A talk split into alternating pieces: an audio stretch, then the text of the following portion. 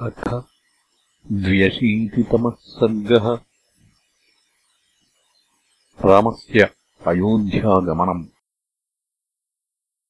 ऋषेर्वचनमाज्ञाय रामः सन्ध्यामुपासितुम् उपाक्रमत्सरः पुण्यम् अप्सरो गणसेवितम्। तत्रोदकम् उपस्पृश्य सन्ध्याम् अन्वास्य पश्चिमाम् आश्रमम् प्राविशद्रामः कुम्भयोनेर्महात्मनः। तस्यागस्त्यो बहुगुणम् कन्दमूलम् तथौषधिम् शाल्यादीनि पवित्राणि भोजनार्थम् अकल्पयत्। स भुक्तवान् नरश्रेष्ठः तदन्नम् अमृतोपमम्। प्रीतश्च परितुष्टश्च तान् रात्रिम् समुपाविशत् प्रभाते काल्यमुत्थाय कृत्वाह्निकमरिन्दमः ऋषिम् समुपचक्रामगमनाय रघूत्तमः। अभिवाद्याब्रवीद्रामो महर्षिम् कुम्भसम्भवम्। आपृच्छे स्वाम् पुरीम् गन्तुम् माम् अनुज्ञातुमर्हसि।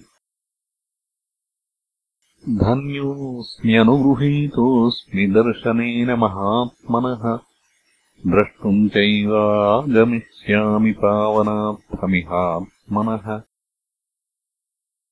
तथा वदति काकुत्स्थे वाक्यम् अद्भुतदर्शनम्। उवाच परमप्रीतो धर्मनेत्रस्तपोधनः। अत्यद्भुतमिदम् वाक्यम् तव रामशुभाक्षरम्।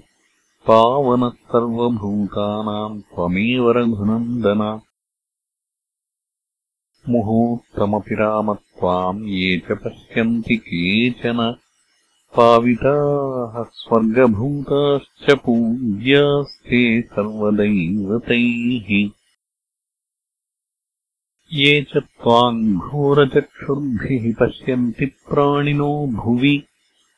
हतास्ते यमदण्डेन सद्यो निरयगामिनः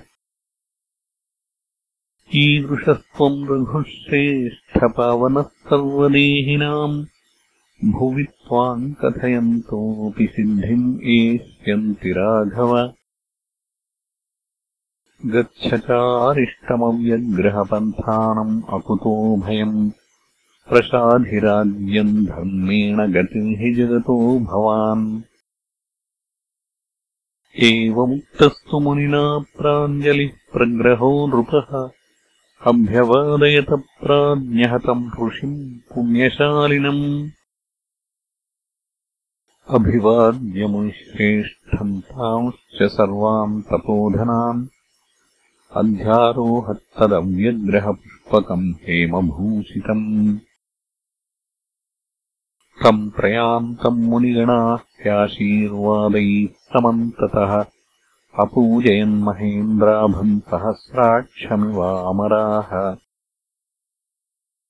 खस्तः स ददृशे रामः पुष्पके हेमभूषिते शशीमेघसमीपस्थो यथा जलधरागमे।